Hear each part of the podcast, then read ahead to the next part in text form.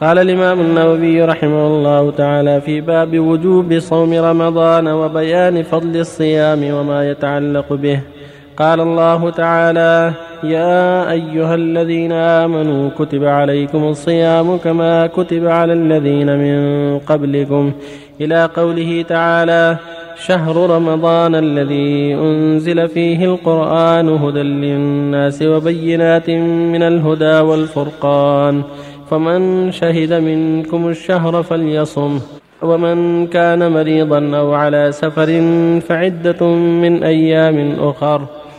وأما الأحاديث فقد تقدمت في الباب الذي قبله. وعن أبي هريرة رضي الله عنه قال قال رسول الله صلى الله عليه وسلم قال الله عز وجل كل عمل ابن آدم له إلا الصيام فإنه لي وأنا أجزي به والصيام جنة فإذا كان يوم صوم أحدكم فلا يرفث ولا يسخب فإن سابه أحد أو قاتله فليقل إني صائم. والذي نفس محمد بيده لخلوف فم الصائم أطيب عند الله من ريح المسك للصائم فرحتان يفرحهما. إذا أفطر, إذا أفطر فرح بفطره وإذا لقي ربه فرح بصومه. متفق عليه. وهذا لفظ رواية البخاري وفي رواية له يترك طعامه وشرابه وشهوته من أجلي الصيام لي وأنا أجزي به. والحسنة بعشر أمثالها. وفي رواية لمسلم كل عمل ابن آدم يضاعف الحسنة بعشر أمثالها إلى سبعمائة ضعف. قال الله تعالى إلا الصوم فإنه لي وأنا أجزي به. يدعو شهوته وطعامه من أجلي للصائم فرحتان. فرحة عند فطره وفرحة عند لقاء ربه. والخلوف فيه أطيب عند الله من ريح المسك.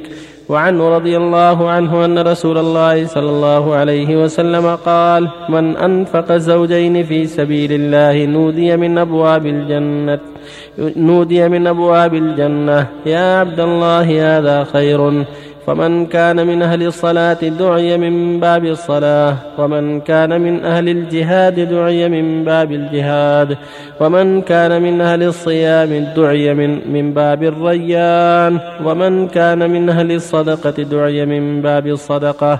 قال أبو بكر رضي الله عنه بأبي أنت وأمي يا رسول الله ما على من دعي من تلك الأبواب من ضرورة فهل يدعى أحد من تلك الأبواب كلها؟ قال نعم وأرجو أن تكون منهم متفق عليه. صلى الله وسلم على رسول الله وعلى آله وأصحابه ومن اهتدى. أما بعد هذه الآية الكريمة بيان بيان فضيلة شهر رمضان فضيلة صيام شهر رمضان. وفي هذين الحديثين ما يدل على فضل الصيام ومنزلته عند الله العظيمة. الله جل وعلا أوجب على عباده عبادات وحرم عليهم أشياء ومما أوجب عليهم سبحانه الصلاة ثم الزكاة ثم الصيام ثم الحج وجعلها أركانا وعمودا لدينه الإسلام عمودا ظاهرة.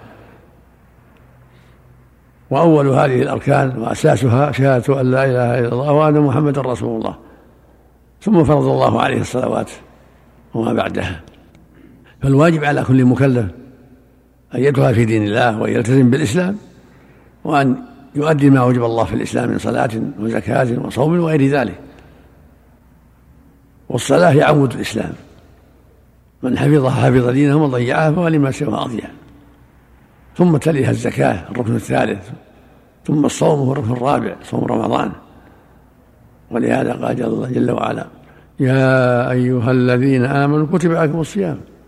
يعني فرض عليكم كما كتب على الذين قبلكم يعني كما فرض على من قبلكم. لعلكم تتقون. لعلكم يعني لتتقوه بهذه العبادة العظيمة وتخشوه وتقفوا عند حدوده. ثم بين هذا الشهر فقال شهر رمضان. الذي ينزل فيه القرآن هذا محل الصوم الذي أوجب سبحانه وتعالى. وهذا الشهر العظيم له فضائل ومن فضائله من صام رمضان إيمانا واحتسابا غفر له ما تقدم من ذنبه. ومن قامه إيمانا واحتسابا غفر له ما تقدم من ذنبه. وفيه ليلة القدر وهي خير من ألف شهر في العشر الأخيرة منه. ويقول النبي صلى الله عليه وسلم في الحديث الصحيح كل عمل ابن آدم له الحسنة بعشر أمثالها. إلى سبعمائة ضعف.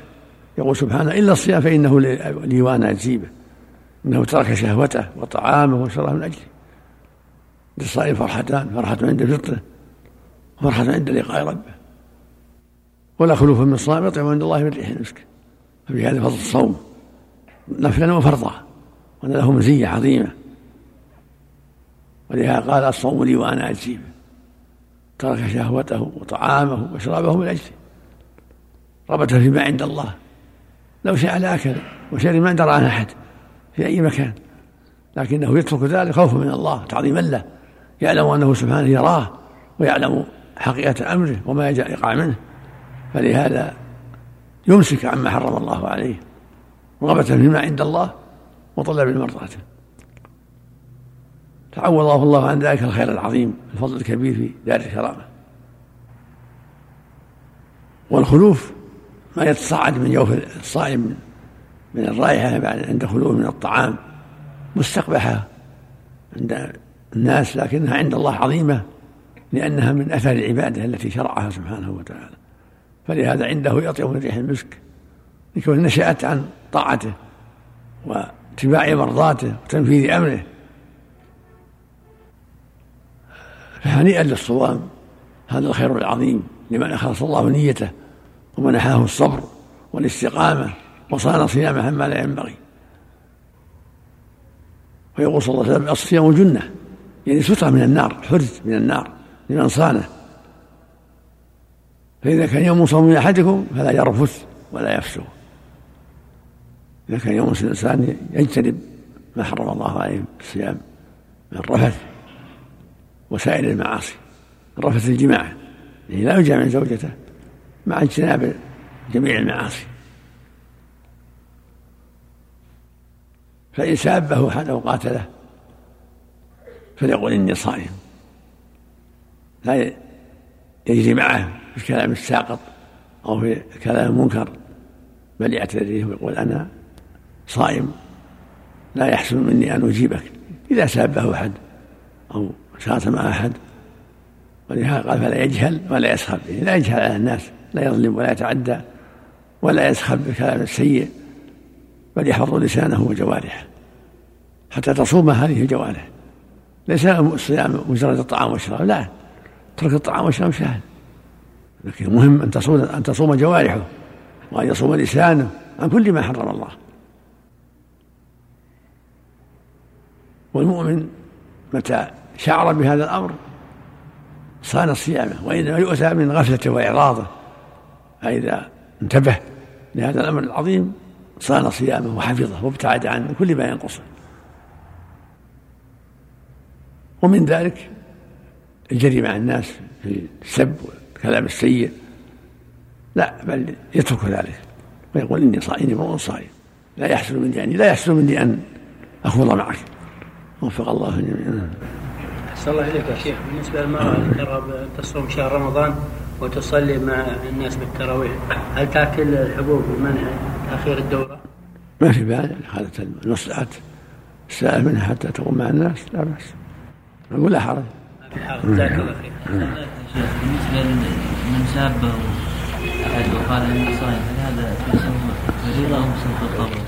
نعم. في صوم التطوع أم في يعم هو يعم يعم هذا وهذا اللهم الله طيب هو صوم تطوع له له أفطر. إذا رأى مصلحه في الإفطار أفطر. مما رأى المرض وإن كان مرض ضيفه ضيفه ضيفه معتاد لا يستنكر صومه لا بأس يكمل صومه. إن كان رأى أن إفطاره أفضل وأن جبرا للضيف وإناسا له فلا بأس. أحسن الله عليك في بعض البلدان الذين لا يعملون بالرؤيا. آه، في هذه الحالة الإخوان هناك ي- يعملون- ي- يتبعونهم أو ينظرون للبلد الذين يعملون بالرؤيا ويتبعونهم.